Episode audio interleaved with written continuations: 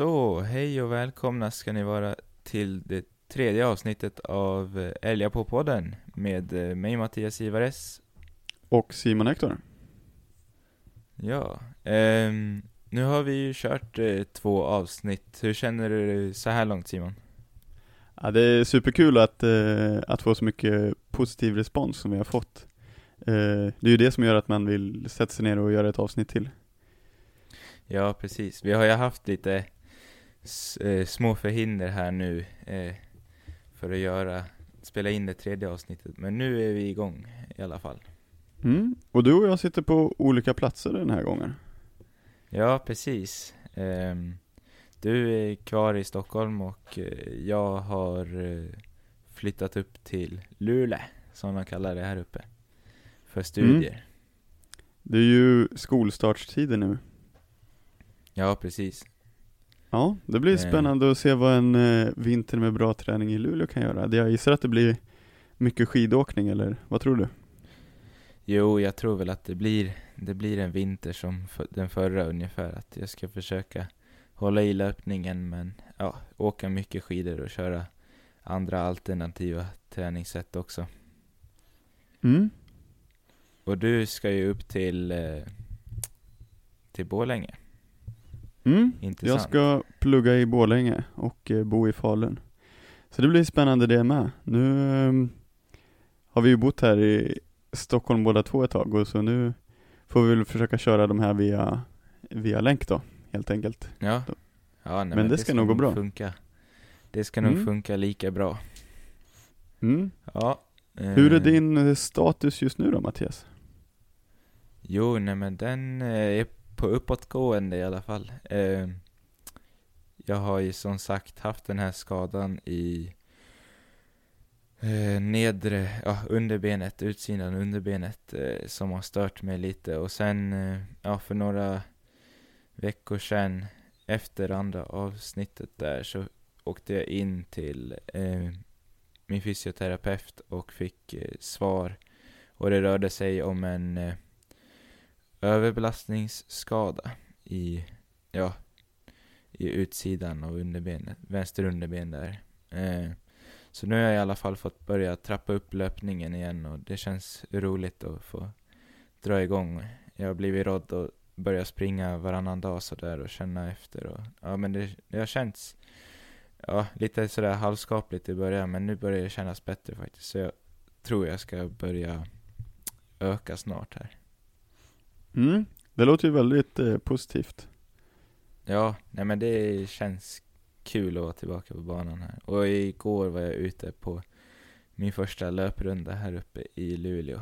Hittade en orienteringskarta, fem, ja, 500 meter eh, nedanför eh, där jag bor just nu då. Eh, så det var kul. Okej, Jag är det bra hittade terräng? Lite stigar. Jo, äh, nej, men det är ganska likt eh, eh, som där jag bodde i Mora förut. Det är sådär tallhed med sand, eh, ja sand i marken. Så det ja, man känner ju igen det sen tidigare. Kul. Men ja, nu hittade jag lite stigar sådär som jag kunde springa på. Så det var genom kartan då, som jag hittade. Så det var kul. Jag ska väl ge mig ut och springa lite orientering på den inom, inom de närmsta dagarna också har jag tänkt. Mm. Men eh, hur har, du haft det Simon under de här veckorna som vi inte har levererat podcastmaterial? Ja, eh, ganska eh, snart efter förra poddinspelningen så åkte jag ut till eh, Schweiz. Eh, och där har jag hälsat på två kompisar. Så det har ju varit otroligt spännande. Eh, komma till nya platser och sådär. Så ehm, ja, det har varit mycket i, i Alperna. Vi gjorde en del eh, turer med bil och eh, tält också.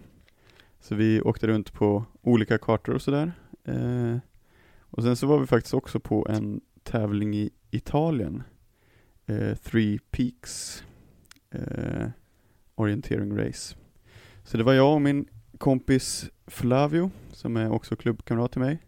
Kommer från den rätoromanska delen av Schweiz, den östra delen. Så han bor ju liksom i, i bergen då. Så han bor på Mm. 500 meters höjd över havet. Eh, och så sprang vi mycket orientering och många av kartorna ligger liksom så här 2000 meter över havet så det blev en del höghöjdsträning också och eh, väldigt mycket backar blev det. Ja, nej men det är inte helt fel heller. Ja, nej, så det var otroligt spännande att testa så mycket orientering. Och sen så avslutade jag eh, de sista dagarna nere lite mer lågland i Schweiz hos en annan kompis, Annick, som är klubbkompis till dig då. Ja, Eh, och det var också spännande för det var terrängen helt annorlunda. Det är kanske en del som har hört talas om det här schweiziska mittelland. Och det är ju känt för att vara, eh, ha mycket björnbärssnår och eh, brännässlor och vara grönt. Eh, och eh, jag vet inte om det är så många som gillade det, men jag på något sätt tyckte jag att det var kul för att man var tvungen att vara väldigt noggrann hela tiden så att man kom i de bästa möjliga stråken liksom. Eh, så man fick liksom zigzacka mellan de här grönområdena och björnbärssnåren och sådär. Så det är klart, Ja, jag kan tänka. skulle jag välja mig så skulle jag väl kanske köra den här alpterrängen som jag gjorde under de, eh, när jag var uppe i Alperna, eh, där då med Flavio. Men eh, det var också spännande att komma ner på låglandet och testa det där i Mittland. Ja, det kan jag tänka mig. Ja, jag kollade ju på lite kartor där när du kommit hem. Då var vi ju fortfarande båda två i Stockholm då. Men eh, det såg ju väldigt kul ut. Mm, ja, men jag har hållit med många pass. Det var ju, det var ju inget träningsläge sådär men eh, ja, det blev väl eh, två orienteringspass rätt så många dagar och så ett vissa dagar och så kompletterat med lite cykel och sådär. Eh, men något som har varit väldigt positivt också det är att jag har kunnat springa så mycket utan att liksom känna att det gör ont någonstans eller sådär. Men det är väl Ja. det där när, med, med mjuk terräng så funkar det liksom bättre för mig i alla fall. Eh, Ja, det är just lite nu med tvärt benhinnor och sådär. Det är lite tvärt vad jag har just nu. Det funkar ju bäst på lite hårdare, men kanske inte det allra hårdaste underlaget för mig. Mm. Det är ju lite, lite segt är det inför, inför SM som ska komma här. Mm. Ja, det förstår jag. Ja, Jag hoppas att du kan komma igång och få lite träning i, på mjukare underlag också så att det funkar eh, att springa även i skogen. Ja, nej men det är ju det jag vill åt. Man ska ju ändå kunna springa, eh, ja, tre dagar i rad i alla fall. Så det Ja, är exakt. väl, annars får jag väl välja bort någonting sådär. Mm. Ska vi eh, gå rakt in på dagens första segment helt enkelt? Ja, nej men det tycker jag vi ska göra. Här kommer dagens orienterare.nu.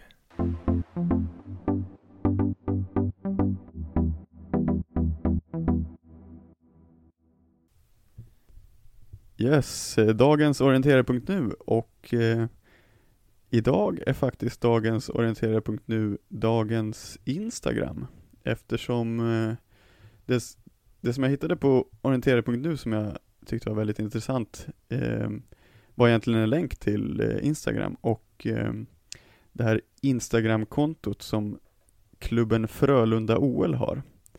Eh, och det är rätt kul. Jag tror att eh, Frölunda det måste väl vara den eh, orienteringsklubb med störst Instagram-konto. Eh, de har väl gjort en grej av att eh, lägga ut en hel del bommar från Livelocks där, så det är ju rätt kul att se.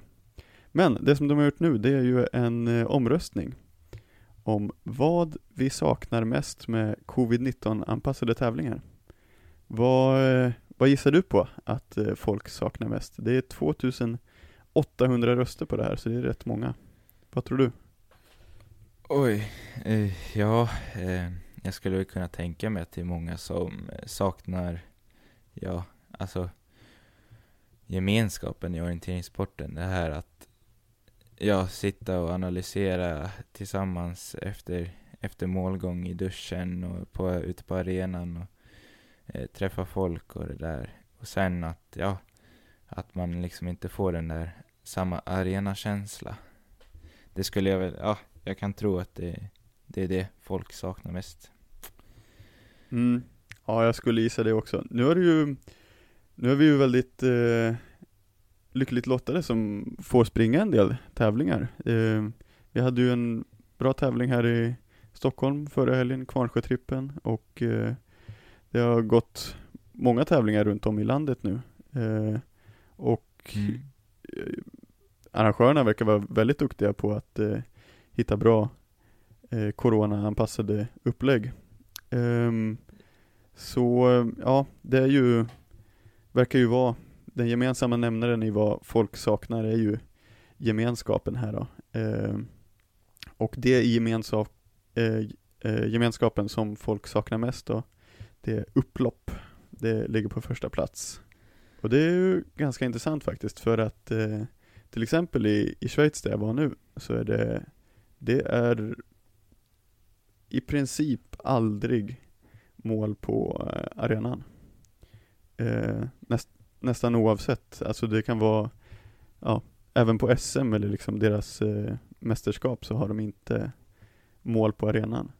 Så eh, jag gissar att för dem, om de skulle ha en sån här undersökning så skulle det inte vara upplopp som de saknar, men det är liksom i den svenska orienteringen så är det eh, så viktigt med upplopp och det eh, visas i den här undersökningen då.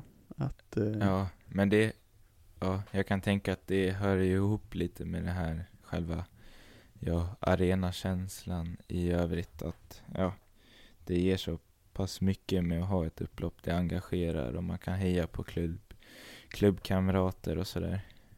Ja men det känns ju mer som en riktig tävling om det är ett eh, upplopp, tycker jag i alla fall. Jo, Eh, så är det så, så det förhöjer mycket om man kan ha eh, kan ha ett upplopp eh, på en tävling, men det kan man ju inte just nu då. Eh, det som folk saknar sen då, det är ju miniknat och sportförsäljning. Eh, följt Ja. av servering och dusch. Eh, så det går väl lite grann i samma tema där, att man ska kunna hänga med kompisar, men eh, ja. Det, det är väl det som folk saknar just nu, gemenskapen. Ja, ja, nej men det är förståeligt. Jag menar, Mm. springa i skogen gör man ju på tävlingarna annars, men eh, ja, det man missar nu är ju arenahänget om man säger så. Mm, exakt. Ja, och det som folk saknar minst, det är utskrivna resultat. Eh, Ja. Det är väl inte så förvånande, de flesta kollar väl nästan sina resultat i mobilen nu för tiden, känns det som. Ändå, Jo. fast det finns utskrivna resultat. Mm. Ja, så det var en eh, lite intressant lista som eh, Frölunda OL hade där. Um, ja, det är lite aktuellt inom orienteringen just nu är ju att eh, vi har ett par, tre veckor här kvar till, till SM. Um, ehm, och då kommer det vara eh, SM i Göteborg, medel och lång, och så USM i Jönköping. Och sen så har vi ju sprint-SM i Örebro några veckor senare. Ehm, Mm. Ser du fram emot det här? Du hoppas kunna springa? Ja, alltså det är lite kluvet. Eh, samtidigt som man vill ja, liksom eh, blicka fram mot det här och satsa, eh, ja, försöka få med sig ett bra resultat från SM-tävlingarna så är det ju lite, ja, mer att jag fokuserar nu på att faktiskt bara komma tillbaka. Så jag, Ja, jag har inga, jag har inga sådär jättehöga målsättningar inför SM. Eh, det kommer ju inte, jag kommer ju inte vara där jag vill vara. Eh, och det har jag väl accepterat sådär, utan det får bli Mm. vad det blir och, och det blir kul att tävla. Mm. Ja, Eh, ja, det är väl så jag känner. Och sen, ja, försöka eh, ja, vara, i- i så god form som möjligt under min upptrappning här. Så jag hoppas att man kanske får någon, eh, någon turlig formtopp på något sätt. man kan ju alltid hoppas. Ser du, ser du fram emot de här tävlingarna? Gör du någon speciell satsning? Det är väl ändå tävlingen här som du har kunnat fokusera mest mot i år? Jo, jo men det känns väldigt eh, spännande. Det, det känns liksom lite eh, konstigt för att nu har vi ju haft en sån otroligt lång träningsperiod bara. Eh, och det är Mm. liksom, ja, här i Stockholm har vi ju kört en del sådana träningstävlingar och så. Eh, men eh, vi har inte kört någon viktig liksom, tävling eller så på jättelänge. Och då känns det konstigt att det helt plötsligt ska vara en, ett mästerskap. Eh, Ja, men eh, ja, jag börjar mer och mer känna att eh, det ska bli riktigt eh, kul att få tävla och ja, jag tycker det blir riktigt eh, spännande att det, de försöker göra en lite större grej att det blir med på eh, SVT och sådär. Så det ska bli riktigt ja. kul. Och så och får det jag en som, formcheck nu i helgen på de här elittävlingarna i Västervik. Som sen jag kan Ja. jobba fram mot eh, SM sen då. mm. Ja, nej men det blir spännande att se vad vi kan göra där och, och se för övrigt hur resten av, eh, ja, eh, de som deltar i svenska mästerskapet här, hur, hur träningen har sett ut under den här perioden. Om alla är i gott slag. Ja, det är ju mer än någonsin känns det som att det är liksom, man har ingen aning om vart, vart alla står liksom. Eh, Nej, det känns väldigt öppet så, även om det säkert är de vanliga namnen som kommer stå överst ändå. Men eh, ja, det ska bli spännande att se eh, hur det går. Jo, så är det väl. Och sen är det ju, man har inte fått samma tävlingsrutin i år så det kan ju eh, vara en faktor som spelar roll i, i ja, utgången av mästerskapet. Och så det Ja, blir det är också sant. intressant att se vem som, vem som eh, ja, får till det. Mm. Ja, eh, och med tanke på SM som kommer och även lite andra tävlingar som blir i höst så har vi ju dagens tema och det är ju tävlingsförberedelser och formtoppning. Och det här kan ju passa som tips även för den som vill formtoppa sig till något annat, till exempel DM-tävlingarna i höst eller liknande. Jag eh, gjorde ju en intervju med eh, Marita Skogum eh, som vi ska få höra nu. Eh, Marita var ju väldigt duktig på eh, formtoppning eh, på sin tid och hon tog ju eh, sex stycken eh, VM-guld mellan eh, 1983 och 1993. Så eh, ja, det var väldigt intressant att höra vad hon hade att säga eh, om eh, tävlingsförberedelser och formtoppning. Så det får ni höra här.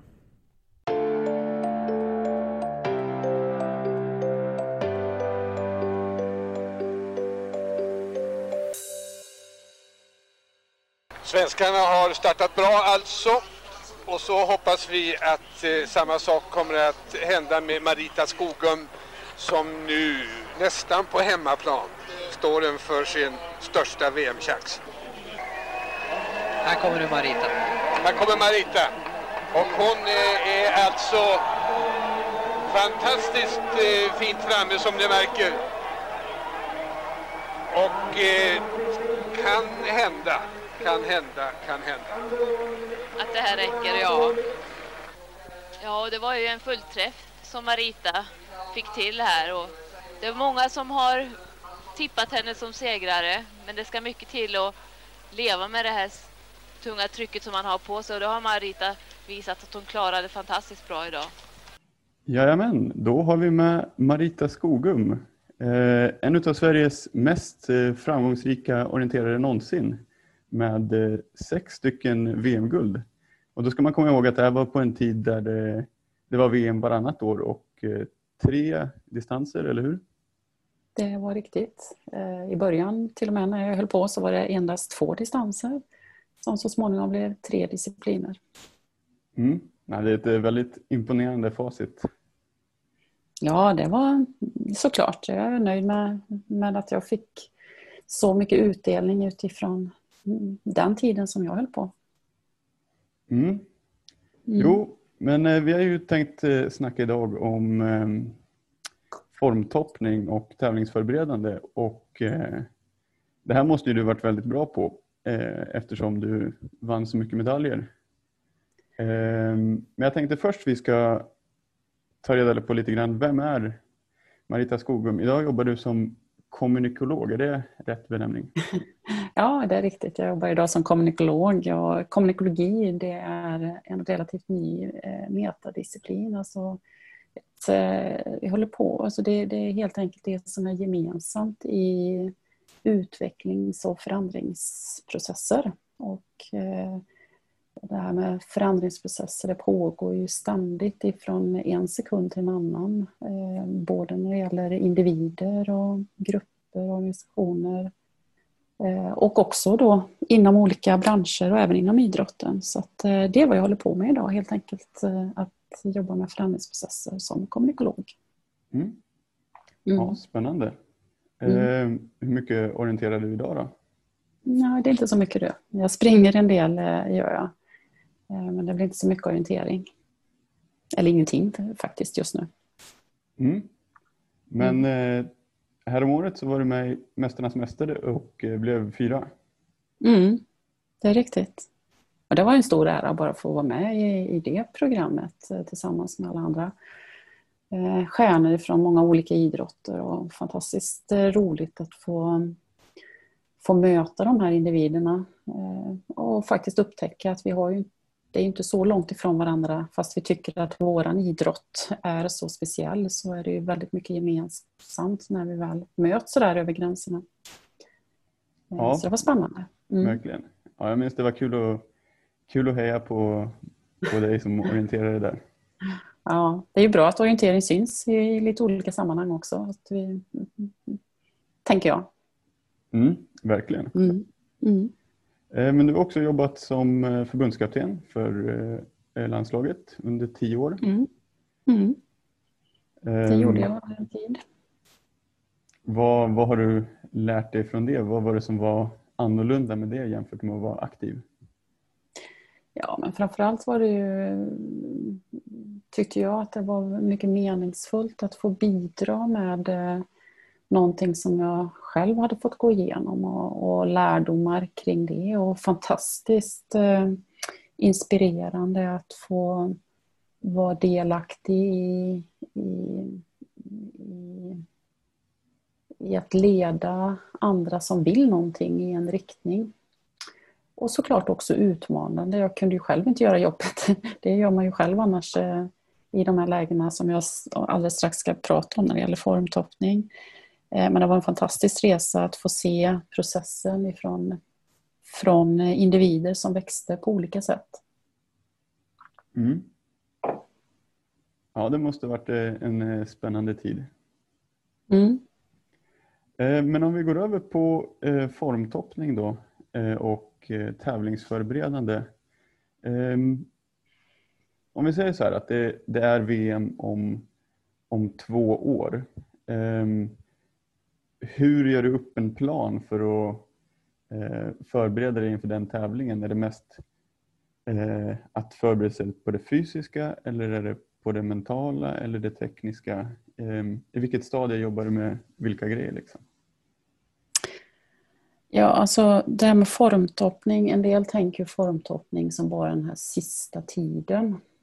Mm. Eh, och den, den biten är ju såklart en viktig fas. Men formtoppning för mig är ju väldigt mycket mer och det är intressant att du lyfter just det tvåårsperspektivet. För det, någonstans, någonstans startar det ju i att, om det är ett år eller två år, men att, att eh, koppla på en större helhet. För att det är ju, det, det, eh, jag vet att aktiva som jag ledde då, under den här tioårsperioden, de när de avtackade mig så sa de så här att är det någonting vi har verkligen tagit med oss ifrån Marita så är det det här pusslet, Maritas, alltså helhetspusslet.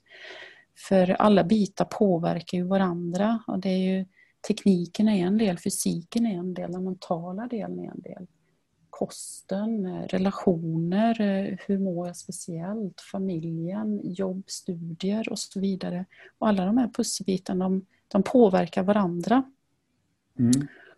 Och eh, den biten är viktig att ha med sig hela tiden. Ehm, och det är klart att man blir inte bättre än sin svagaste länk är det någon som eh, uttrycker sig. Och det är klart att man behöver också ta tag i surdegarna. Är det någonting i fysiken som behöver jobbas upp eller någonting inom tekniken så finns det ju möjlighet, eller mentala bitarna, under en sån här tvåårsperiod som inte tar bort de delarna. Men det är ju liksom det är som att, att, lägga, att sätta ett fartyg i vattnet. Alltså tar jag en del av fartyget och lägger den i vattnet så sjunker den delen.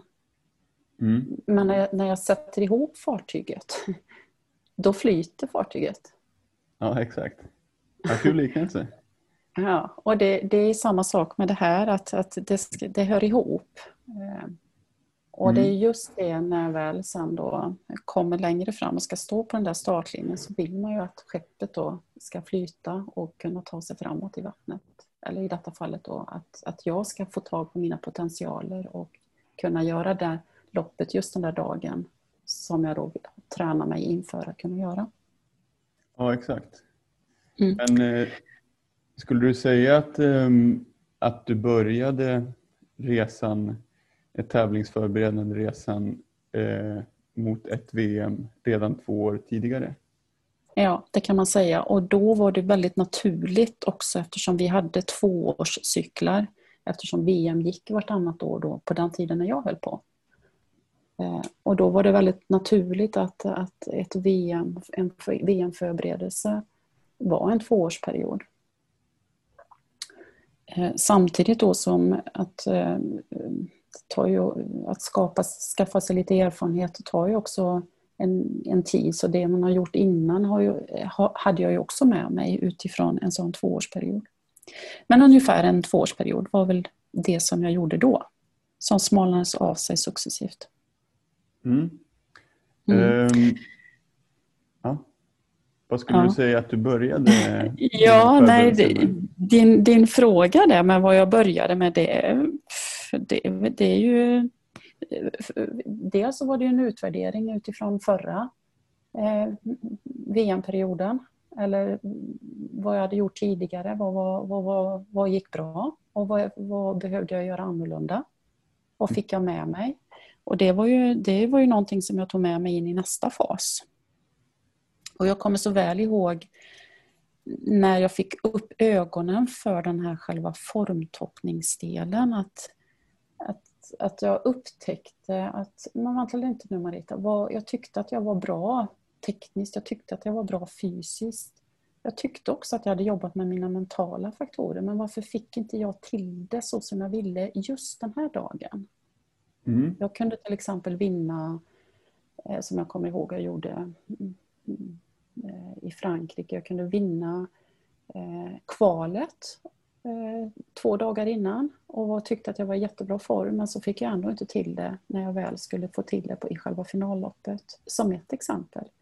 Och vad tror och, du det berodde på den gången? Ja, ja det, det, är, det är just det här som är att lägga pusslet. Att det är inte bara en gång utan det är flera faktorer som spelar roll. Och jag kommer så väl ihåg att, att när jag började få upp min medvetenhet om att går det att styra? Vad är det som gör att vissa får till det när de vill ska få till det medan jag inte tycker riktigt att jag hade hittat knepen för mig?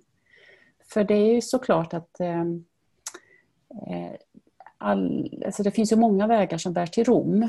Och, och jag trodde ju i början att det fanns ett facit på hur man skulle göra.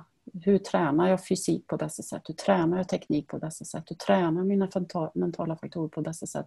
Hur gör jag en formtockning på bästa sätt för att få till det? Hur gör jag verkligen för att få till det? Och det, mm. i början trodde jag att det fanns ett facit. Men det, det finns det inte. Jag vet så väl att jag frågade Anniken då på den tiden hur hon gjorde, Annika Kringstad. Och hon mm. var ju jättebussig, hon berättade allt för mig. Och så gjorde jag exakt likadant. Och det blev ju inte så bra, för det var ju hennes sätt att göra det. Men efter ett tag så märkte jag att, att om jag frågar, att jag tog till mig, jag intervjuade helt enkelt de som var bra. Karin Rabe fick jag massvis med tips av, Kent Olsson fick jag massvis med tips av, Anniken fick jag massvis med tips av och såklart de tränarna, ledarna som var runt omkring mig. Men det jag kom på det var ju att, att jag gjorde om det till mig, till Marita. och eh, samlade min erfarenhet och de här inspelen jag fick eh, till, jag skapade min Marita-bok, jag kallar den för Marita svarta bok. Den råkar vara svart, det var just därför den hette Ja, så. så du skrev ner i en bok? Då? Ja, så jag, hade, jag skapade Marita-boken och samlade min eh, bästa recept för mig. Som, som jag både fick input ifrån andra men gjorde om det till, till Marita. Och på det sättet kunde jag liksom hitta verktyg som just passade mig. Mm. Eh, och eh, de här ett eller två åren innan, då klart att, att då började ju själva processen med vad behöver jag nu jobba med? Det är såklart fysiskt och, eh, så att jag kunde vara så bra fysisk form som möjligt när det väl var dags. Vad jag nu behövde pusha på mina olika, vad jag skulle förbättra och vad jag skulle fortsätta göra. Likadant tekniken, att, att eftersom vi som orienterare springer i många olika, på många olika arenor så behöver vi ta reda på vad är det för terräng som väntar där. Och inte bara ta reda på vad det är för någonting utan också göra den terrängen så att det blir min hemmaarena. Att det är som, Eh, så jag tog med mig från Kent Olsson till exempel, att ja, men det är som att gå ut och springa i trädgården. Det ska liksom vara välkänt. Att jag, det ska inte vara några osäkerheter utan jag vet att oavsett om jag tycker om den eller inte, för ibland kan det vara så, åh, ska, måste det VM gå där eller måste det SM gå där? Den, jag kan inte den terrängen, Nej, men då får jag lära mig så att det blir min bästa terräng oavsett. För den delen kan jag ju inte påverka, men jag kan ju påverka min inställning och mina förberedelser. Ja, exakt. Ja. Mm. Så det, det jobbade jag ju tidigt med. Alltså ta reda på tekniken, jobba med min fysik eh, under, under de här två åren. Mm. Och gärna få några avstämningar som jag också bestämde mig Man brukar ju prata om delmål. Eh, och det behöver inte vara varenda tävling fram till det här VMet utan jag valde ut några så att jag kan, kunde träna på. För att om man ska både träna och prestera så är det inte alltid att den ekvationen går ihop. Utan jag hade ganska långa perioder när jag eh, kunde i lugn och ro eh, våga träna. Så du valde ut och, några och förö, tävlingar som du ville ja, ja. eh, Och- satsa lite extra på? Då? Ja, och oftast var det ju så att det ena året var ett världscupår och nästa år var ett, ett VM-år. Mm. Och då vi fick ju fina möjligheter på det här världscupåret att, att spetsa på på just de världscuptävlingarna. Ja, och sen så handlar ju den här mentala biten. Mm. Att, eh, att eh, träna, träna mig på att kunna fokusera just eh, den där, till den där dagen. Och, det jag lärde mig på vägens gång det var att, att successivt skala av, eh, successivt prioritera. Det var liksom som att ehm, eh, om jag hade ett väldigt vidsynt seende från början så blev den där avskalningen mentalt eh, spetsig på slutet. Samtidigt då som det blev en stor flexibilitet. Och när jag menar avskalning, ja, det var som att skala av successivt med en prioritering och på det också kunna samla ihop hela sitt fokus. Och det var ju någonting som jag var tvungen att träna på för att kunna klara den processen. Eh, Mm. Så, så det är ungefär som att eh, alltså travhästarna sätter på såna här eh, de har ju ibland såna här glasögon så att de bara kan se framåt. Ja. Eh, lite metaforiskt så att man kunde foka på det som verkligen var fokus. Så att den här, eh, det som var runt omkring kunde läggas åt sidan. Men det kunde jag inte göra i två år framåt utan det var den sista tiden. Men att kunna träna sig till att kunna få det där fokus och då kunde jag ju välja vissa tävlingar för att bara träna själva den delen, den mentala biten, hur jag skulle göra för att hamna i fokus. Okej, så du hade några tävlingar då som du tänkte att nu ska jag gå in med extra mycket fokus just idag? Då? Ja, ja Mm. till exempel. Eh, Det jag också tränade mig på det var att eh, eh, alltså de som har läst inom akademiska studier har, har, har stött på exemplet med Pavlos hundar där, där han då prövade med hundarna att, att ge dem mat och så fick de salivutsöndring och samtidigt som de gav dem mat så, så ringde han en klocka. Mm. Och sen så när den hopkopplingen eh, hade blivit då kunde Pablo bara ringa i klockan och då fick hundarna salivutsöndring även om de inte fick mat. Mm. Ja, det är ett spännande är, experiment. ja, och det är ett speciellt fenomen som funkar även för oss människor. Att, att man kopplar ihop någonting med någonting. Det mm. innebär mm. att, att, att varje gång jag gjorde, inte varje gång, men när, när jag fick till mig bra ting och speciellt eh, riktat mot VM då, till exempel om vi var i liknande terräng att, och tränade inför VM. Jag märkte att det var vissa moment i den terrängen som gick bra eller att jag fick mitt fokus till att funka eller hamna i just det där tillståndet som jag ville vara i innan, innan tävling. Så gjorde jag precis den där kopplingen som Pablo gjorde då med hundarna. jag ringde inte i, klockan med ja, ni som såg mig på Mästarnas Mästare såg kanske att jag klappade på mitt e- högerben eller knäppte med fingret. Det är just de två ankringarna som jag har gjort kopplat till mig. Mm. Vilket gjorde också att, att jag kunde, kunde alltså först ankra in det i mig själv men sen också kunna koppla tillbaks det när jag väl Eh, vill hamna i det tillståndet jag vill vara i just på den där dagen. Och det är ju någonting som jag behövde träna på innan. Det är ungefär som om man har sett eh, Stefan Holm innan han skulle hoppa höjd så gör han en massa saker med huvudet och även eh, tar håret bakåt även när han var flintis.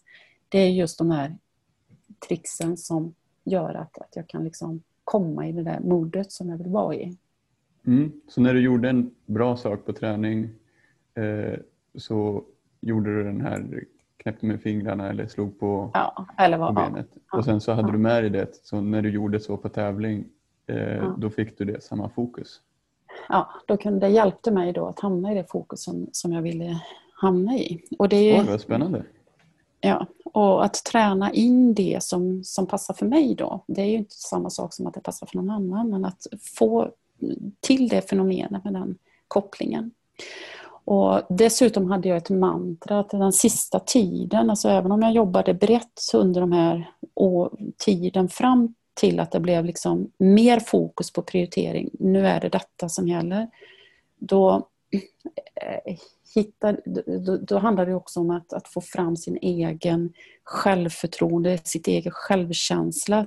Då var det inte, då var ju allt annat, alltså då, då, är ju träningen färdig på något sätt. Nu var det bara fokus på att ta fram de här ankringarna eh, eller de här um, ihopkopplingarna eh, skapa det tillståndet som jag ville ha och peppa sig själv med massa bra saker.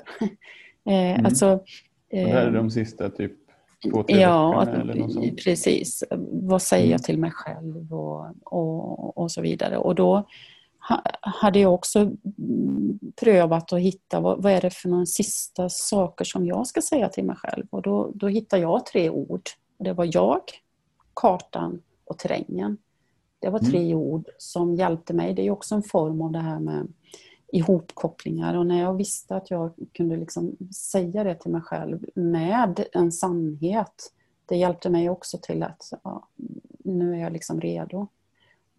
Och, och, som jag också kunde använda i skogen om det blev något liten svaj ute i skogen för att kunna göra en liten omstart. Nej Marita, tillbaks till jag-kartan, terrängen. Mm. Som, ja, så, men det var ju liksom saker, eftersom du frågar vad gjorde jag under de här två åren? De här bitarna som jag nu säger med de fysiska, tekniska bitarna, att göra det till min hemmaterräng, de här mentala faktorerna. Det var ju någonting som jag tränade mig på under tiden som jag fick till mer eller mindre för att sen kunna använda då den sista tiden in mot själva VMet. Mm. Så när du mm. liksom kom på någonting bra under de här tvåårsperioden så skrev du ner det i boken och sen så hade du med dig det till, till mm. tävlingen sen då? Eller de sista mm. veckorna inför tävlingen? Ja, men också liksom att det sätter sig i mitt eget system. Inte bara mm. att det står i boken utan träna mig i det helt enkelt. Mm. Och det är egentligen ja, så. Mm. så exakt vad jag gjorde första månaden på två år innan, det, det, alltså det här är ju liksom parallell, parallella system med varandra. Mm.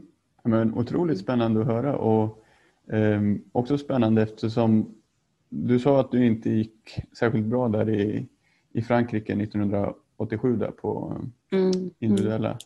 Och sen mm. så lyckades du vända det och ta guld i, på hemmaplan i Sverige 1989. Mm. Ja, det är ju mm. otroligt imponerande.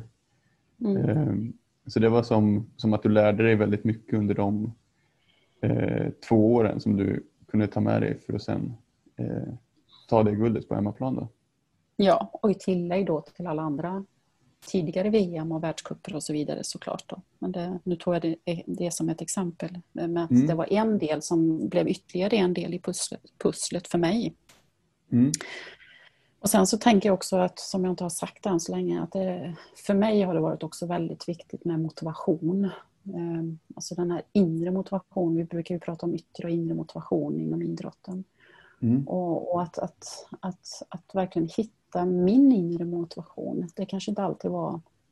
Eh, alltså det är klart att det är kul när, när man får medaljen och vinner tävlingen men det, eh, alltså hitta motivationen, en riktning till att veta varför gör jag det här? Vad är det egentligen jag vill uppnå? Vad är det som är så viktigt för mig? Och att det är viktigt för mig och inte för någon annan. Och mm. att, att, att det, motivationen inte övertar viljan till att, att um, att det blir måsten. Utan att motivationen verkligen är en inre motivation som hjälper till att driva processen framåt. Eh, och den, den tror jag också är en viktig faktor i det här spelet för att kunna göra det jobbet som ska göras. Och att det inte är någon annan som vill det åt mig utan det är jag som vill det. Mm. Ja, Eh, ja, men just mm. nu då, om vi säger för eh, många orienterade där ute just nu så eh, är det ungefär en månad kvar till SM. Ehm, mm. Och eh, just den här säsongen har varit lite speciellt för man har liksom inte riktigt mm. Eh, vetat om det kommer bli något SM och vart det kommer gå och sådär. Mm. Eh, mm. Så man har haft ganska kort tid på sig att förbereda sig. Ehm, mm. Men nu är det cirka en månad kvar. Då. Vad skulle du ha för tips för den som har eh, för den som ska åka på, på SM eller USM eh, och har fått veta för någon månad sedan vad det är för terräng, eh, hunnit kolla lite på kartor och sådär men eh, ja, vill komma i bra form till, till tävlingarna. Mm. För det första tänker jag att, att det, det här året har gett massvis med möjligheter till att, att träna i lugn och ro. Mm. Och, jag, ja, och jag, jag tror att det finns de som har eh, att det har getts möjlighet till också att träna på saker som ibland inte hinns med för att det är dags för nästa tävling och så är det dags för nästa tävling. Så det här året har ju getts jättemöjligheter till att träna på saker som, som man inte riktigt hinner med i vanliga fall. Jag kanske vill ändra någonting i min teknik eller jag kanske vill eh, bli lite bättre på att springa upp för eller vill bli lite bättre på att ta mig fram i bökterräng eller vad det nu kan vara för någonting. Så det tänker jag att det är många som har tränats på och jag tror, tänker också att det har också getts möjlighet till att träna på att vara lite tålmodig i, och möta det som, som vi inte vet vad vi ska möta. För det är ju verkligen en del i orientering. Vi kan träna på att, att som jag sa innan då, att, att bli mästare i sin egen trädgård men samtidigt har vi inte varit i den terrängen just där själva mästerskapet ska gå i oavsett om det är ett VM eller ett SM. Och just mm. att möta det okända i, i, att också förbereda sig för det är ganska spännande och det har ju alla fått vara möjlighet till att träna på i år. Att, mm. att, eh, att verkligen möta det som jag inte vet någonting om. Hur länge ska det här pågå? Kommer det bli några tävlingar överhuvudtaget? Så många delar här tänker jag att många har, alltså den här långa förberedelsen har många gjort. Så nu, nu börjar det handla om att skala av och, och prioritera till att, att, eh, att hitta fokus till just den här dagen. Och jag tror mm. att många, utmaningen för en del kan vara nu att, att man är så glad att äntligen få springa. Så det kan vara att komma ut, det är ungefär som kossorna kommer ut på grönbete så hoppar de och studsar av glädje för att komma ut på det här grönbetet. Det kan ju vara en risk att det finns sådana som blir övermodiga till att nu är det ett SM, äntligen får jag komma ut i skogen och springa en tävling. Ja, exakt. Så eh, tipset är helt enkelt, hur vill jag må när jag står på startlinjen just den där dagen om en månad? Mm. Vilket, hur, hur vill jag ha det? Eh, eh, vill jag vara jättetaggad eller vill jag vara lugn och sansad eller vill jag vara eh, superavslappnad? Det är liksom ett sätt att, att fundera på hur vill jag må själv? Vilken flow vill jag vara i när jag ställer mig på startlinjen? Och så successivt jobba för att hamna i det tillståndet för att kunna då vet, det spelar ingen roll om jag står på startlinjen inför ett SM eller för ett VM eller ska ställa mig på scen och göra en föreläsning eller vad, vad den här personen nu gör. För att om jag hamnar i det tillståndet då vet jag att jag kan få ta på mina resurser. Alltså mina mm. potentialer som jag vill använda fullt ut just denna dagen. Så det är en del i att jobba för att kunna göra det. Och ett tips som jag gjorde det var att de här, de här ja, fyra sista veckorna, det var att, att eh, jag ville ha med mig några träningar, jag ville få mm, den här fysiska delen, kanske några extra intervaller. Eh, också viktigt med några extra vilodagar så att jag inte är helt slut när jag kommer till tävlingen. Eh, mm. något, gott, något gott flyt ute i skogen med kartan. Och det behöver inte vara i värsta tempo så att jag känner liksom att, att flytet finns där. Och sen, vad säger jag till mig själv framförallt? För som orienterare så peppar jag mig själv mycket i skogen och inför. Jag kan inte ha med en tränare ute i skogen som håller på att peppa mig, utan det är ju jag själv som behöver hantera mina egna tankar och känslor i skogen. Och börja successivt jobba med de tankarna nu innan. Eh, jag vet att en del inte vill göra det utan man skjuter undan det och det ju kan ju vara jättefint för någon annan. Men jag gjorde på det sättet, där jag jobbade med det innan.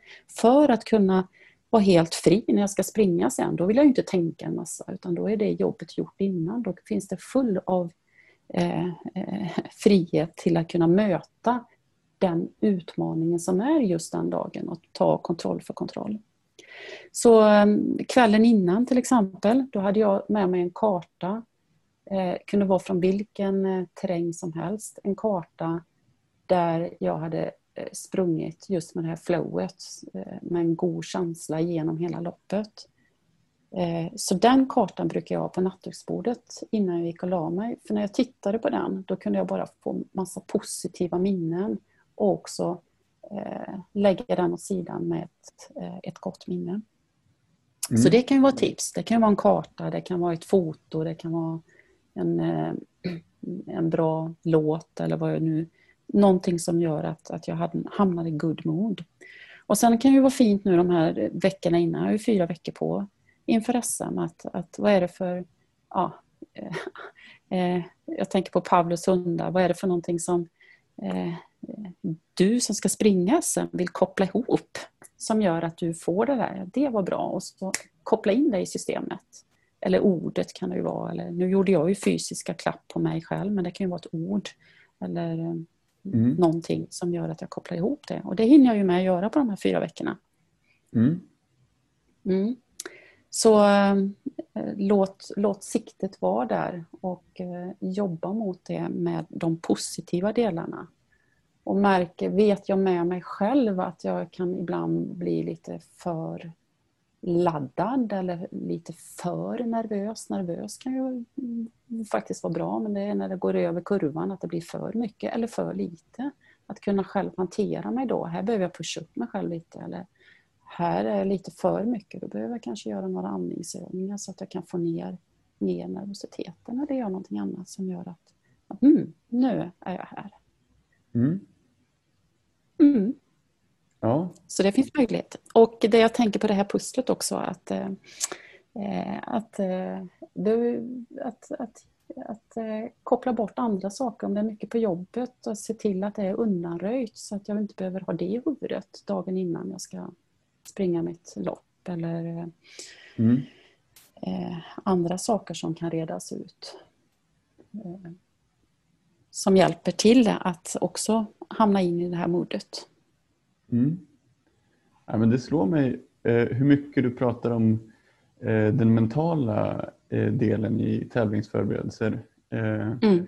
För jag tror att det är många när de tänker på tävlingsförberedelser så tänker de egentligen bara på en fysisk formtoppning. Hur ska jag göra för att benen ska Mm. kännas så bra som möjligt just den här Mm. dagen. Mm. Eh, Men det verkar som för dig så var det väldigt mycket annat som gjorde att eh, du presterade så bra som du gjorde just den dagen. Ja. Mm. ja. Det brukar ju vara så att många, många springer ungefär lika fort och orienterar ungefär lika fort och det är den mentala biten som är avgörande i de lägena. Såklart så är den fysiska biten också viktig och den tekniska biten också viktig. Men det är ju som jag säger då, det här skeppet, att det, var och en del sjunker om jag lägger ut dem, utan det är ju kombinationen tillsammans som, som spelar roll i det läget. Mm. Och, och jag har själv prövat flera olika sätt att de sista två veckorna eller sista månaderna fysiskt och jag vet inte, det kanske jag hittade ju mitt sätt och som jag sen använde också med en viss form av flexibilitet men framförallt gav det mig en trygghet. Gör jag så här då vet jag att jag kommer få lätta ben. Och det kanske är minst lika mycket på vad jag sa till mig själv att ja, men gör jag det här så kommer jag få, få pigga ben. Och bara säga det till mig gör ju någonting med mig. Ja exakt, det sitter så mycket i, i huvudet också. Ja. Ja, till skillnad mot att jag skulle säga nej jag är tveksam på om jag gör det här så kan jag få pigga ben eller kommer jag inte få pigga ben. Till skillnad mot om jag säger så här att gör jag de här grejerna så kommer jag få pigga ben. Då Mm. finns det stor risk att benen kommer att vara pigga. Mm. Ja, så att det, det är helt rätt. Det, det, alla bitar hör ihop och det, eh, den mentala biten som vi kallar mentala biten i eh, eh, ihopkopplingar med eh, om vi tar metaforen med Pavlos hundar som jag kallar ankringar. Hur, hur jag vill ha det eh, i min, min avslappning, hur jag jobbar med min andning, vad jag säger till mig själv. Hur jag kan hantera mina tankar. Eh, att själv jobba för att eh, vilket mod jag vill vara i när jag står på startlinjen. Eh, och, och, och så vidare. Och göra det så att det blir det bästa för mig. Och vara lite oberoende oavsett om det vilka personer jag har runt omkring mig, vilken terräng jag möter och om det ösregnar eller om det är strålande solsken. Till exempel när jag sprang mitt sista långdistanslopp i USA 93 så alltså då när man drog upp rullgardinen där på morgonen och det bara Alltså det var som öppen himmel, det verkligen spöregnade. Ja. Ja, och då, då tänkte jag så här Yes. Idag är hälften slagna på förhand. Ja. Ja, att göra saker och ting till, till min fördel. ja så exakt. som jag vill ha det. Ja. Jag Ja, kan inte det- påverka någon annans pengar, men jag kan ju påverka mig själv. Mm. Ja, var det varmt så kanske det var till din fördel också. Ja, eller hur? Då hade ju det varit yes, hälften Ja. förhand. Eller hur? Mm. Så, vi inte så man inte blir beroende av eh, vilka personer jag har runt mig, vilket väder det är, vilken terräng det är. Utan, eh, ja, utan förbereda sig så att, att det blir det bästa för mig just den dagen. Och sen när jag genomför just den dagen så är det ut att njuta och kunna möta det som händer och också vara beredd på att oj, det här var jag inte förberedd på. Men då är jag redan förberedd på det, för jag är förberedd på det, att möta det som jag inte är förberedd på. Ja. Och, ja, och framförallt efteråt sen.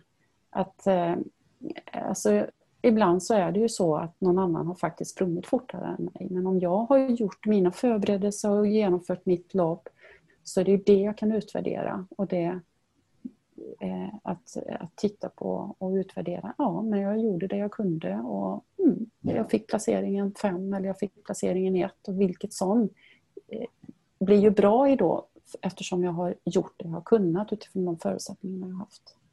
Mm. Ja. Och sen till nästa tvåårsperiod, då får jag ta med mig, ja, är det någonting jag kan ta med mig utifrån det? Vad var bra? Vad kan jag göra bättre till nästa gång? Mm.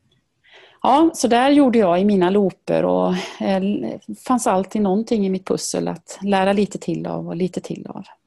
Mm. Ja, otroligt spännande att, höra. Um, är det något, något eh, du själv tänker att du skulle kunna lägga till något mer om eh, kring formtoppning? eller eh, tävlingsförberedelse? Jag, det, jag tycker att du fångade det där med att det är lätt att man lägger den fysiska toppningen, att det är det som är det viktiga de sista, de sista tiden. Eh, mm. Och jag säger inte att det inte är viktigt, den är viktig, eh, men det är eh, framförallt den mentala biten som är avgörande där på slutet för att, att, att få till det i sig själv. Ja. Det är min erfarenhet utifrån mig. Och det, och, ja, det tror jag absolut att det är. Och det ja, är något som ja. är lätt att missa. Liksom. Ja, och till exempel nu på Mästarnas Mästare så jag hade ju inte jättemycket förberedelser. Jag tränar ju inte så himla mycket nu för tiden. Men jag hade några veckor på mig att fysiskt förbereda mig och också ta reda på vad är det för någonting som eventuellt skulle kunna vänta där på den där tv-inspelningen för att göra underhållning till de som ska titta på det där. Mm. Och såklart så tänkte jag att mm, eh, vad kan jag göra här då? Jo, mina mentala färdigheter som jag har tränat mig in i, för det är någonting som tränas in. Det går ju att träna mentala färdigheter också. Som, eh, det var ju där jag i första hand kopplade på. Och den avskalningen som jag tidigare gjorde då inför ett VM. Jag kunde ju ta fram de här färdigheterna igen. Och jag kom på mig själv även när jag var där på själva tv-inspelningen. Vi skulle göra den här lilla små lekarna, tävlingsmomentet så kom jag ju på mig själv att jag gjorde ju exakt samma saker som jag eh, gjorde en gång i tiden när jag höll på med orientering. Och det kom bara omedvetet och plötsligt så var jag där i min lilla eh, glaskupa och sa till mig själv, ja kartan och terrängen fast jag skulle göra något helt annat. Ja. så det, det, det, är väldigt användbart och går att använda i andra sammanhang också, inte bara i orienteringsskolan. mm. Nej, otroligt inspirerande att, att, prata med dig. Du verkar inte bara ha varit en mästare på formtoppning utan även på mental förberedelse. Mm. Det, jag var tidigt ute med de bitarna när, när man började prata. Det var en gång i tiden när det fanns bara Ville Railo och Unestål som kom med de här tankarna. Eh, så jag tog, tog till mig det ganska tidigt och, och var nyfiken på det helt enkelt. Mm. Så det, det har jag varit nyfiken på länge och jag vet att det, det, det, är väldigt användbart och inte bara inom idrotten och nu mot själva SM utan det, färdigheterna går ju att använda i många sammanhang. I arbetslivet, i studier eller familjeliv eller vad som helst. Mm. Ja, tack så jättemycket för att du ville vara med i Älga på-podcasten. Ja, tack själv och jag får väl önska dig som ska springa SM nu om en månad stort lycka till och Lycka till med dina förberedelser och genomförande. Tack så mycket. Ja, intressant att höra Marita Skogum om eh, form, eh, toppning och tävlingsförberedelser. Jag har lyssnat ju på den här intervjun i efterhand och hon var verkligen inspirerande och att lyssna på och mycket, mycket goda tankar om, eh, ja speciellt eh, hur man mentalt kan förbereda sig. Ja, Alltså, jag tyckte det var så spännande att höra hur hon liksom verkligen hade tänkt igenom det här. Eh, jag menar, det känns som att vissa människor, de är lite mer så här, ja men, jag tar det som det kommer. Men Marita hade ju verkligen tänkt igenom exakt hur hon vill känna, eh, hur hon vill liksom vara på startlinjen. Och sen så såg hon liksom till att vara, ja, exakt så på startlinjen. Och ja, då gjorde hon ju liksom allt som hon kunde för att förbereda ja. sig så bra som möjligt. Så jag, ja, det var väldigt spännande att höra tycker jag. Ja, och speciellt de här liksom att hon eh, försökte eh, ja, göra de här små grejerna på träning som hon sen kunde ta med sig på inför tävlingsstart också att hon eh, liksom lura, lurade hjärnan att, eh, ja, att hon mm. skulle göra något, eh, en bra prestation. Det, det fastnade mm. jag för. Hur eh, väldigt brukar du själv göra en eh, tävlingsförberedelse? Ja, eh, jag har ju inte någon jätteerfarenhet av sådär större tävlingar men jag har väl ändå försökt göra utifrån mina kunskaper och sådär och eh, jag brukar ju försöka förbereda mig i alla fall eh, så gott ja, tekniskt. Eh, eh jag kan genom att kolla eh, kartklipp eh, från naturen, kolla hur kartan ser ut. Kanske jag göra mig familjär med terrängen precis som Marita sa och det kan ju också göra att man får ett mentalt eh, grepp eh, och ett mentalt övertag. Eh, ja, bara för sig själv att man, man känner att man behärskar terrängen och sådär. Eh, och sen brukar jag också försöka fokusera eh, mot det fysiska.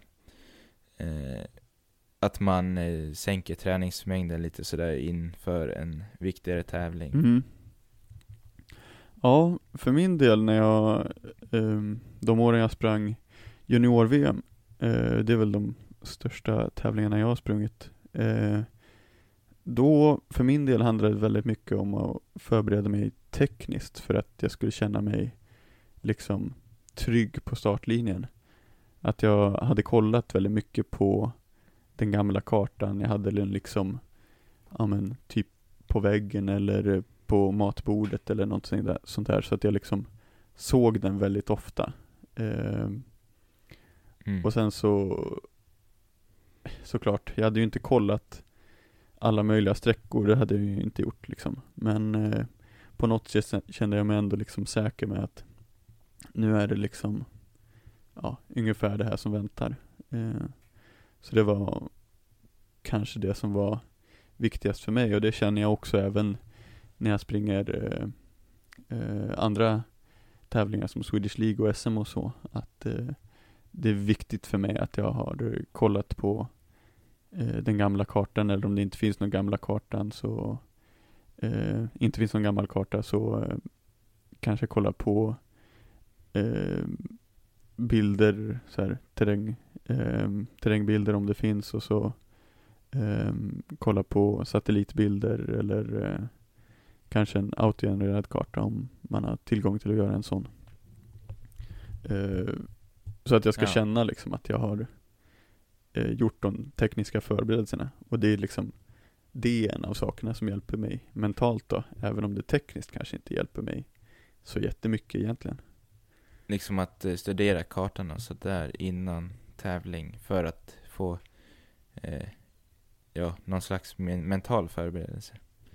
Ja, exakt. Alltså tekniskt sett så eh, vet jag inte om jag får så jättemycket ut av det. Det, kanske, det är klart att jag kanske får lite grann och så. Men mm. eh, framförallt mentalt att jag känner att nu har jag liksom eh, gjort det jag kan tekniskt här eh, inför den här tävlingen. Mm. Och förberett mig på hur kartan kommer att se ut och sådär. Men eh. vad skulle du helst Eh, Eh, om du ska förbereda dig tekniskt, eh, vill du helst vara ute i terrängen då och eh, springa i den och inte bara kolla på kartorna och sådär? Eller är det något helt annat du, du föredrar att göra för att känna att du är tekniskt förberedd inför en viktigare tävling? Mm. Ja men jag känner mig ju ganska tekniskt förberedd, eller ja, delvis tekniskt förberedd genom att bara kolla på kartan men det ger ju en extra trygghet för mig i alla fall när jag har också varit ute i, i terrängen. Mm. Så nu till exempel till, eh, till den här elittävlingen i Västervik som kommer vara i helgen så eh, har jag ganska lite erfarenhet av eh, ja, det området kring ja, östra kusten där Västervik, eh, Valdemarsvik, Oskarshamn. Jag har inte varit mycket alls där. Eh, så då kommer vi gå ut på en liten kartpromenad eh, inför tävlingen. Eh, och det känns som att då får man liksom koll på, okej okay, det här är en sankmark, liksom ungefär så här ser höjdkanterna ut och, och lite sådär. Eh, och det, jag, jag tycker i alla fall att det känns, känns bra när man eh, har lite koll på terrängen. Eh, och sen så bygger man ju upp liksom en, en, en bank sådär, eller vad man ska säga. Så eh, nu till SM i Göteborg så har jag sprungit i Göteborgs terräng en, några gånger tidigare. Och då kanske jag inte kände lika mycket att jag verkligen måste köra någon träning i någon, någon specifik SM-träning för jag har varit en del i den typen av terräng. Så då känner jag mig ändå hyfsat säker på ungefär vad som väntar liksom. Men eh, tekniska förberedelser, det känns som att det kan man liksom göra hur mycket som helst. Så jag tror att där gäller det mest att man eh, hittar sin, sin egen nivå och gör vad man själv tycker är rimligt liksom. Mm. Eh, för jag menar, man kan ju spendera år med, med att kolla på gamla kartor och leta fram så mycket information som möjligt och sådär. Eh, men det gäller på något sätt att han, hamna det på en rimlig nivå. Jag menar, eh, de där extra grejerna man gör, de kanske, ja, de kanske inte ger så jättemycket alla gånger heller ändå. Nej, men det handlar ju Mm. kanske lite mer om eh, ja, vem man är eh, som individ och Ja, vad, man, det- vad man vill ha för, alltså hur mycket förberedelser man behöver och kanske för att känna sig eh, redo. Ja, jag tror att det är väldigt olika från person till person. Mm. eh, hur mycket man, man vill. Eh, jag vet att i, i landslaget så finns det löpare som liksom vill nörda ner sig jättemycket och så finns det de som ja, skippar den samlingen för att de, det ger dem liksom ingenting. Ja, ja och vi hörde ju precis som eh, i intervjun med Marita att eh, ja, hon eh, försökte plocka olika delar av eh, ja, framgångsrika löpare i ja, svenska landslaget och i andra, andra eh, framgångsrika löpare också för att hitta sin eh, ja, sin väg så, så att säga. Mm. Men um, om vi snackar lite grann om det där med mentalt tillstånd. Har du något knep som du brukar göra för att eh, hamna i något specifikt tillstånd eller är det mest att du, du bara ställer dig på startlinjen och kör? Nej, jag har väl inte sådär något riktigt speciellt knep. Eh, jag hade eh, 2000, eh, när var det? 2018 i, på O-ringen så körde jag att jag lyssnade på en viss låt som jag hade tränat till under, ja precis innan start då. Innan jag sprang iväg till start. Eh, eh, en, en låt som jag hade tränat till under eh, under året då. Ehm, och det gav väl en eh, ganska bra eh, känsla inför tävlingen att man, ja, man kom in i det där eh, tänket på något vis. Precis som med att, eh, ja det sätter sig i huvudet att, att det här, nu, nu är det dags att göra nå någonting liksom. Ut och orientera på något sätt vis. Men eh, sen dess har jag väl inte Mm. kört det. Eh, utan jag har känt att, ja, det var väl ett sätt att testa lite. Eh, och vad som funkade. Eh, men sen dess har jag inte kört det och jag känner att det eh, går ganska bra ändå. Utan jag, eh, jag försöker komma iväg till start en viss tid sådär. Och, och känna att jag får liksom samma komma iväg och sen ja, tänka liksom att ja, fokusera på karta, kompass, riktning liksom. Tänka på det hela vägen till start och sen bara försöka få huvudet och, och loss, släppa från alla tankar typ. Mm. Ehm, ja, sen, eh, sen, ja, det är vad jag har känt att det är det som funkar för mig. Sen kanske det finns ännu bättre sätt att göra någonting. Så det är väl sånt man kanske måste experimentera lite med. På, Mm. på kanske mindre viktigare tävlingar och ge, ge det tid också. Att man inte bara eh, gör så här korta, korta experiment utav det utan att man faktiskt försöker utveckla det under en säsong och så får man se hur väl det funkar. Mm. Jo men det är ju samma sak där, att man liksom kan testa sig fram. Se vad som funkar. Ja, precis. Och inte bara göra det i korta perioder utan faktiskt ge det tid. Mm. Jag vet inte, har du något sådär speciellt mentalt knep som du brukar använda? Ehm, ja, alltså jag vill ju gärna inte liksom haka upp mig för mycket på olika saker. Um, för att ibland kan det ju vara så att man faktiskt måste göra någonting annorlunda. Uh, till exempel om man måste lyssna på en viss låt. Och sen så måste man någon gång sitta i karantän jättelänge och så kan man inte lyssna på den låten. Eh, eller av någon annan anledning. Så jag vill liksom inte haka upp mig för mycket. Eh, men eh, jag har väl i alla fall en uppvärmningsrutin som är ganska lika eh, hela tiden. Um, och den känns som att den är hyfsat, hyfsat viktig då. Um, så, och den tar också ganska lång tid. Det, det är typ 40 minuter. Uh, mm. Så jag måste ha en del tid innan start då. Um, så det är väl typ 10 minuter, en kvart som jag joggar då.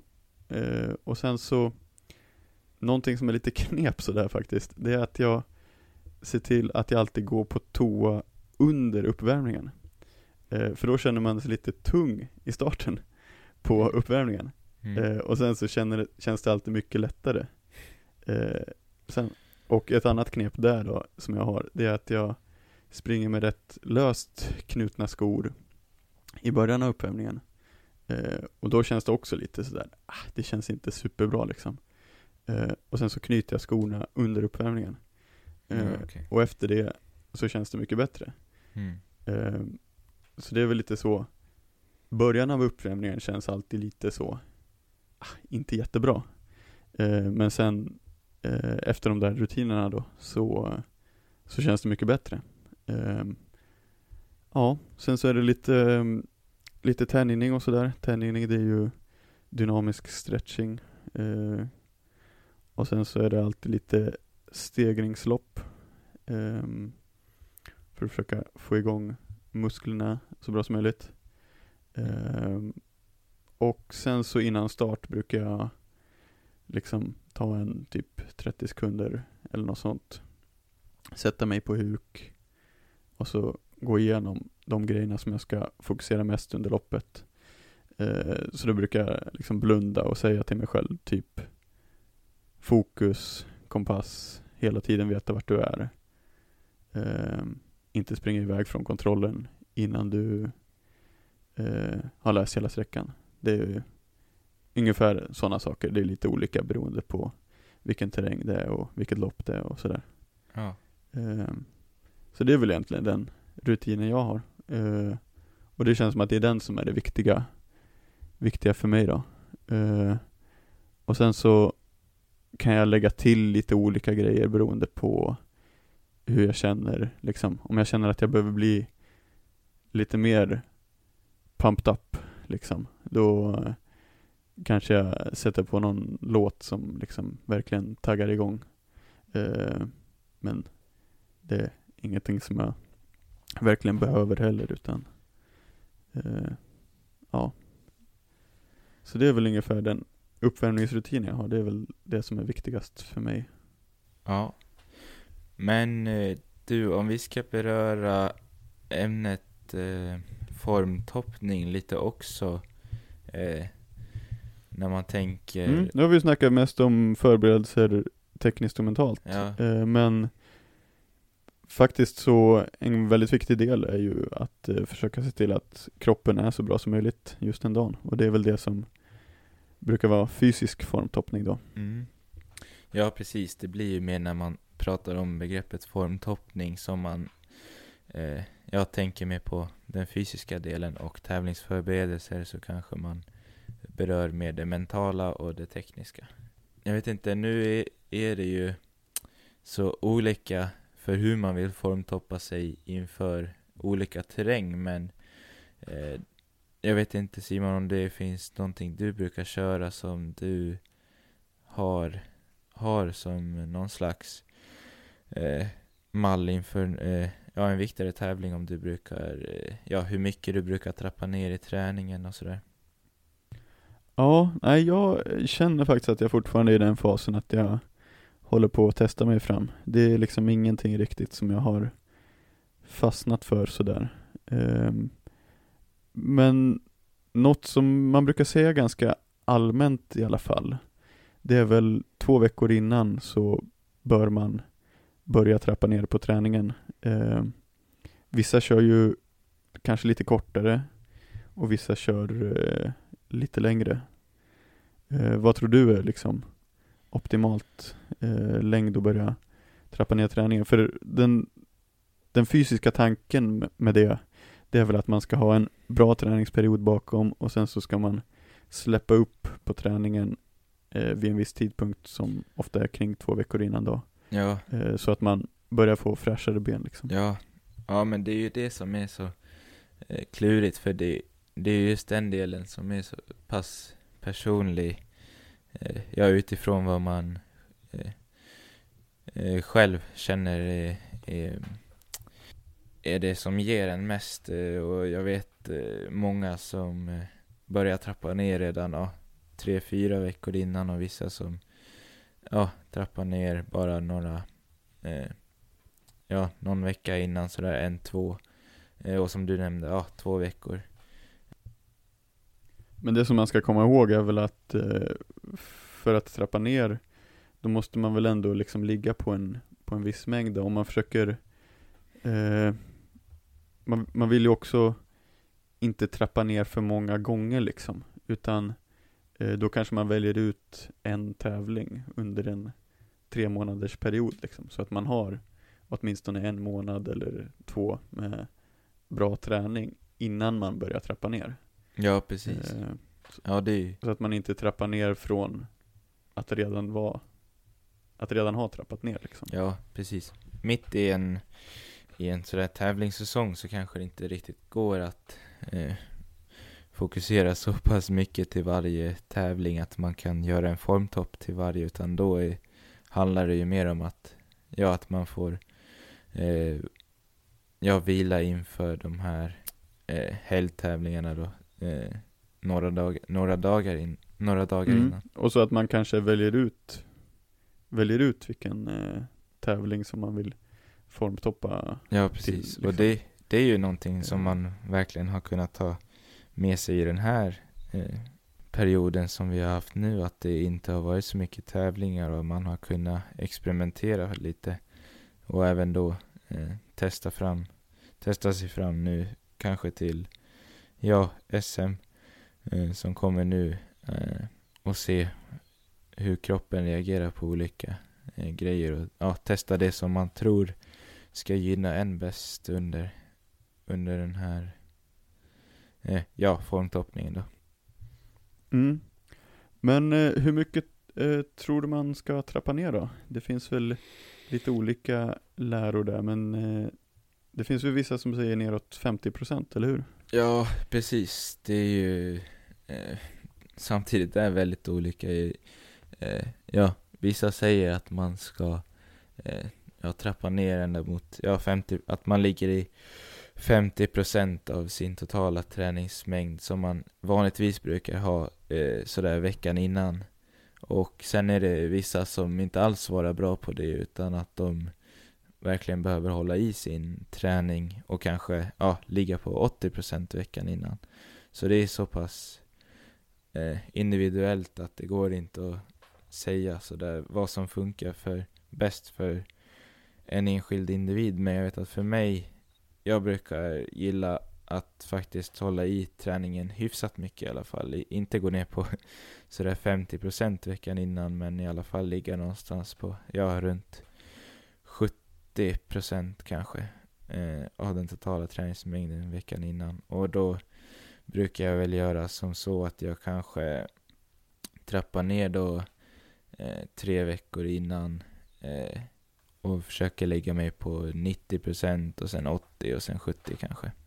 För att, ja, jag, min kropp svarar inte sådär jättebra på att bara helt, helt plötsligt liksom eh, bryta av med, ja, och gå ner 20% på en vecka. Det, det, ja, då förlorar jag lite av, ja, jag vet inte, men det, det känns inte riktigt eh, bra, utan det känns bättre att göra så som jag har gjort tidigare.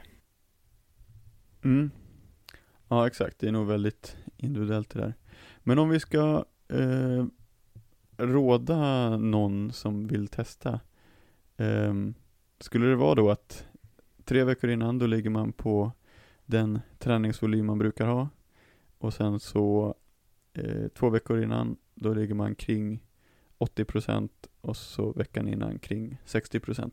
Ja. Kan det vara ett eh, bra upplägg för någon som vill testa någonting för första gången? Ja, nej men det är väl kanske det, ja runt två, tre veckor innan som, eh, som är vanligast kanske att börja nedtrappningen. Så då, man kan ju börja och testa där och sen eh, får man väl känna efter om, om man vill ligga på 60% av sin totala träningsmängd eller om man vill ligga på 70%. Det är väl kanske där någonstans de flesta hamnar. Sen finns det ju de som gärna ligger på, ja, 85%. Men om vi ska generalisera lite så kanske att man ska ta två, tre veckor med nedtrappning och att man ja, stannar där någonstans på ja, kring 65%, 60-65% av sin totala träningsmängd veckan innan tävling.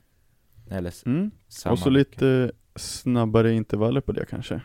Ja, precis. Lägga in och under den där nedtrappningen lägga in lite snabbare intervaller i, i överfart, både i skog och kanske ja, på eh, hårdare underlag om man så önskar.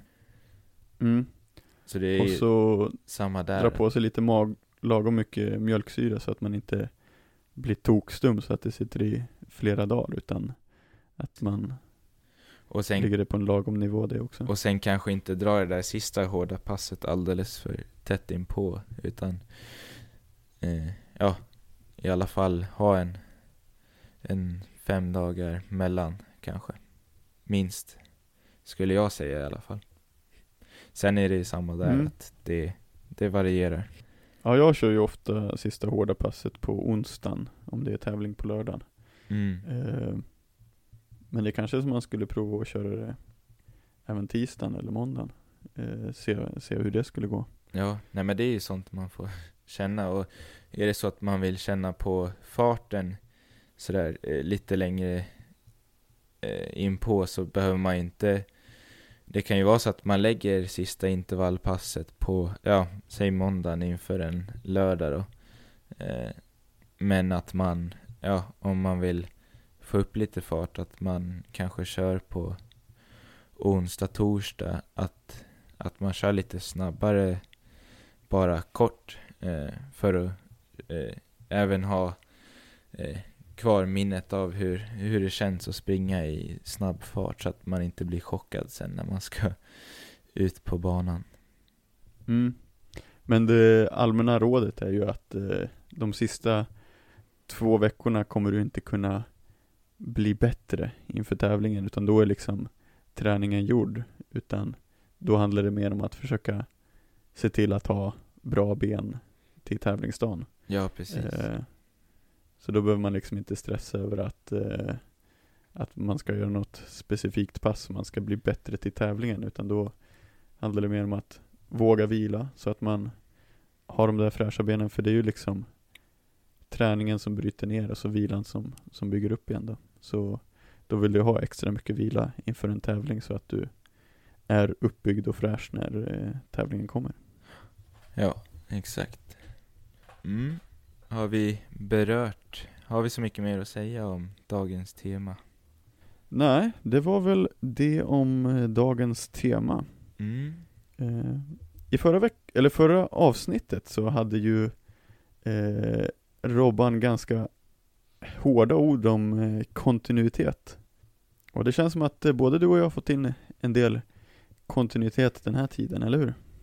Ja, ja, jag har ändå fått till en ganska bra kontinuitet. Eh, jag har faktiskt, eh, ja, jag har haft mycket på G och sådär att jag eh, fått kanske träna någon timma mindre i veckan än vad jag kanske vanligtvis gör för att det har varit mycket annat i vägen. Men ja, jag har ändå lyckats göra mina eh, pass under, under veckan och sådär. Men kanske inte i den fulla mängd som jag kanske önskat. Mm. Ja. Nej men det var eh, kul att höra hans eh, ord där förra gången. Det ska, vara, ska bli intressant att höra vad han eh, har att säga den här gången. Ja, Så, han är, eh, vi släpper in honom här. Här kommer Robbans anekdoter.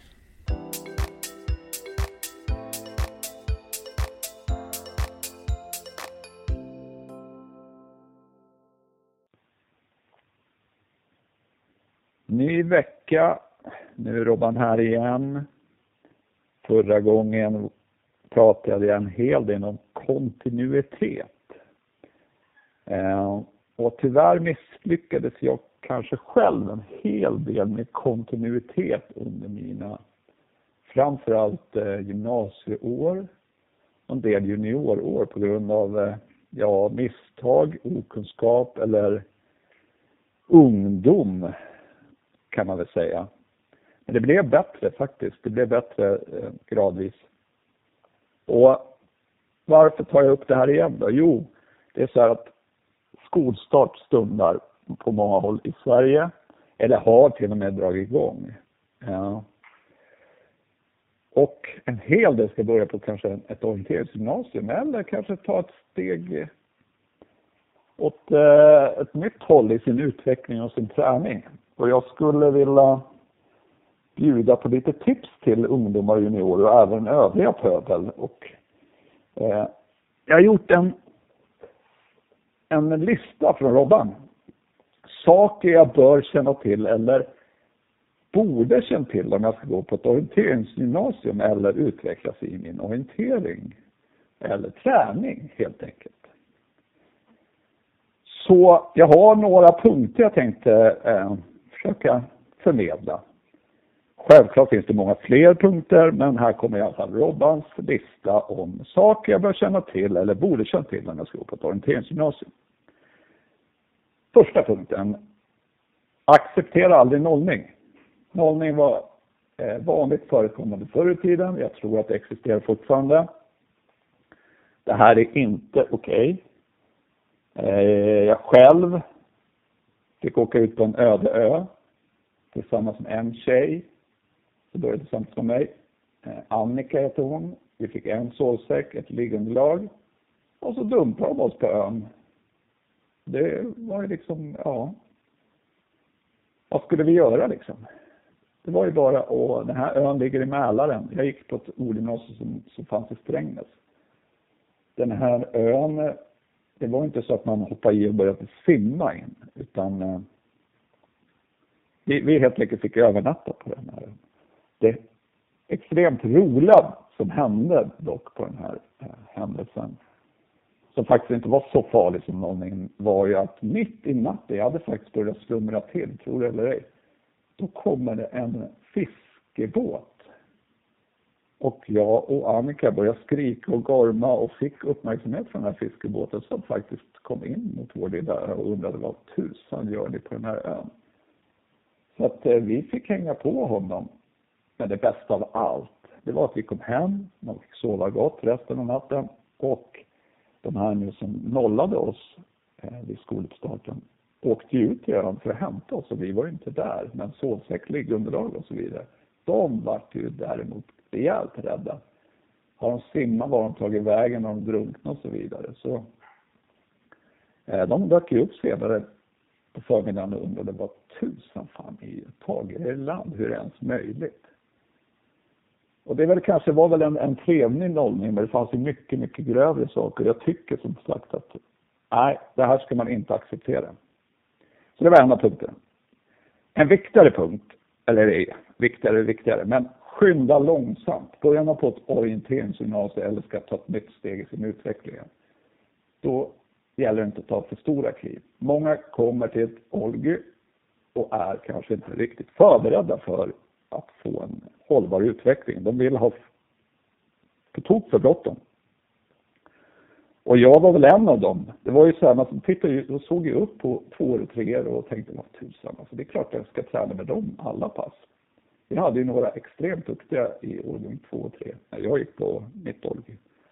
Eh, så man var ju med på långpass, man var med på intervallen, man var med på allt och eh, jag råder er, vill ni ha en hållbar utveckling, skynda långsamt. Man kan inte skutta upp från tre timmar i veckan till tio timmar i veckan i löpning. Det håller ingen för.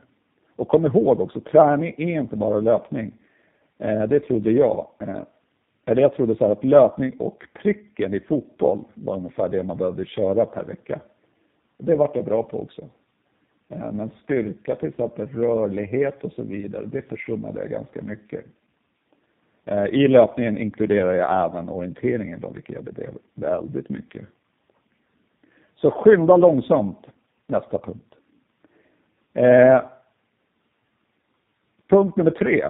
Korv och makaroner i tre år, det går fetbort. Men den kosten, eller det dietistrådet, eh, idkade jag under mina tre år. Det var väl ingen dietist direkt som, som fick för sig att ge mig de här råden, men jag tyckte att det var väldigt gott. Jag eh, hade saknade all form av grönsaker om man inte inkluderar ketchup som grönsak. Och ska du börja träna mer, då måste du börja äta rätt. Och färggranna saker till maten är, det ska inte försummas. Det ska man ha med vid varje måltid. Och jag minns till och med så här att jag varit uttagen till junior-VM i Polen och de frågade vad är vad vill ni ha till frukost? Och jag sa så här, ja men jag vill ha te och kaviarmackor. Och det var okej okay på den tiden. Kom igen, man kan inte som landslagsledare acceptera att någon äter te och kaviarmackor när man ska springa lång, långdistans. Och jag ska ge ett stort plus till min ledare Åke Dahlin i Leksand. Det var han som lärde mig äta gröt till exempel och fick mig in på nya banor. Så tänk till kring kosten, för kosten bygger upp, träning bryter ner. Eh, punkt nummer fyra, eller tvåa på min lista. Det sociala är viktigt. Ska ni gå på ett orienteringsgymnasium eller i klubben så är det viktigt med den sociala biten. Eh, men den får inte ta överhand, utan man måste, man måste inte glömma, man får inte glömma bort vissa viktiga saker. Eh, en liten historia som jag vet som vart rätt kul till slut men som påverkade mig en hel del för att det drog det var för socialt kring det här. Det var så att jag, jag vaknade en morgon på mitt rum. Det luktade extremt mycket fisk i min lägenhet. Och jag tänkte, ja jag äter ju inte fisk, men visst, jag kanske mamma och pappa har stoppat in fisk i frysen och frysen har pajat, så det är därför det luktar fisk. Nej, frysen var hel. Eh, jag gick runt i lägenheten och jag hittade ingenting. Jag kunde inte hitta orsaken till att det luktade fisk förrän jag tog i handtaget på min dörr och skulle gå till skolan. Där genom brevinkastet ser jag jordens största gädda, ja, helt enkelt. Och vad har det här med sociala bitar? Jo, den här gäddan som gick under namnet Göran i typ två, tre veckor på mitt olje. Den hängde ju med liksom. Ungefär som den här mattan som jag pratade om för några avsnitt sedan. Eh, jag tänkte, vad ska jag göra med gäddan? Jo, men jag ska också leverera den vidare. För det här var ju en gädda som faktiskt, jag tror att det var Henrik Wårdenen och Greger Berglund som hade fångat på kvällen innan och tänkt så här, men Robban, det kan bli kul och Robban får den i min brevlåda. Så jag tog med mig den här gäddan och visste att min polare och klasskompis Edvin Kärnlund hade gått i skolan redan. Så jag gick upp och låste upp hans lägenhet för jag hade extra mycket till honom. så tog jag faktiskt och öppnade toalettlocket, la ner den här ganska stora gäddan med käften uppåt, stängde toalettlocket Och det var en ganska bra överraskning när han kom hem. Eh, och sen fortsatte det. Gäddan Göran dök upp lite överallt. Men det jag vill komma till är att bra att vara social, vara bra att vara med på olika happening, men det får inte ta över sömnen som man måste faktiskt få med. Det börjar bli för mycket sånt så att man inte får med sömnen. Och sömnen är lika viktig som det här med kosten för återhämtning. Då tror jag att man eh, får svårt att utvecklas. Och slutligen vill jag då säga att kontinuitet kring alla dessa punkter. Äta bra, sova mycket, träna på rätt sätt och öka successivt. Där har ni summan som kommer ge en hållbar utveckling framöver. Så Robbans lista helt enkelt kring saker jag känna till eller borde känna till när jag ska börja på ett orienteringsgymnasium.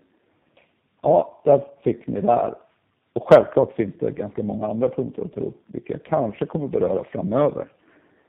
Eh, ja, hoppas det någonting fastnar om ni tar med någonting om ni börjar eller om ni går på ett orienteringsgymnasium för tillfället eller bara ska utvecklas, gammal som ung. Det har varit ett långt eh, inlägg från mig den här veckan, men vi hörs och ses. Tjing!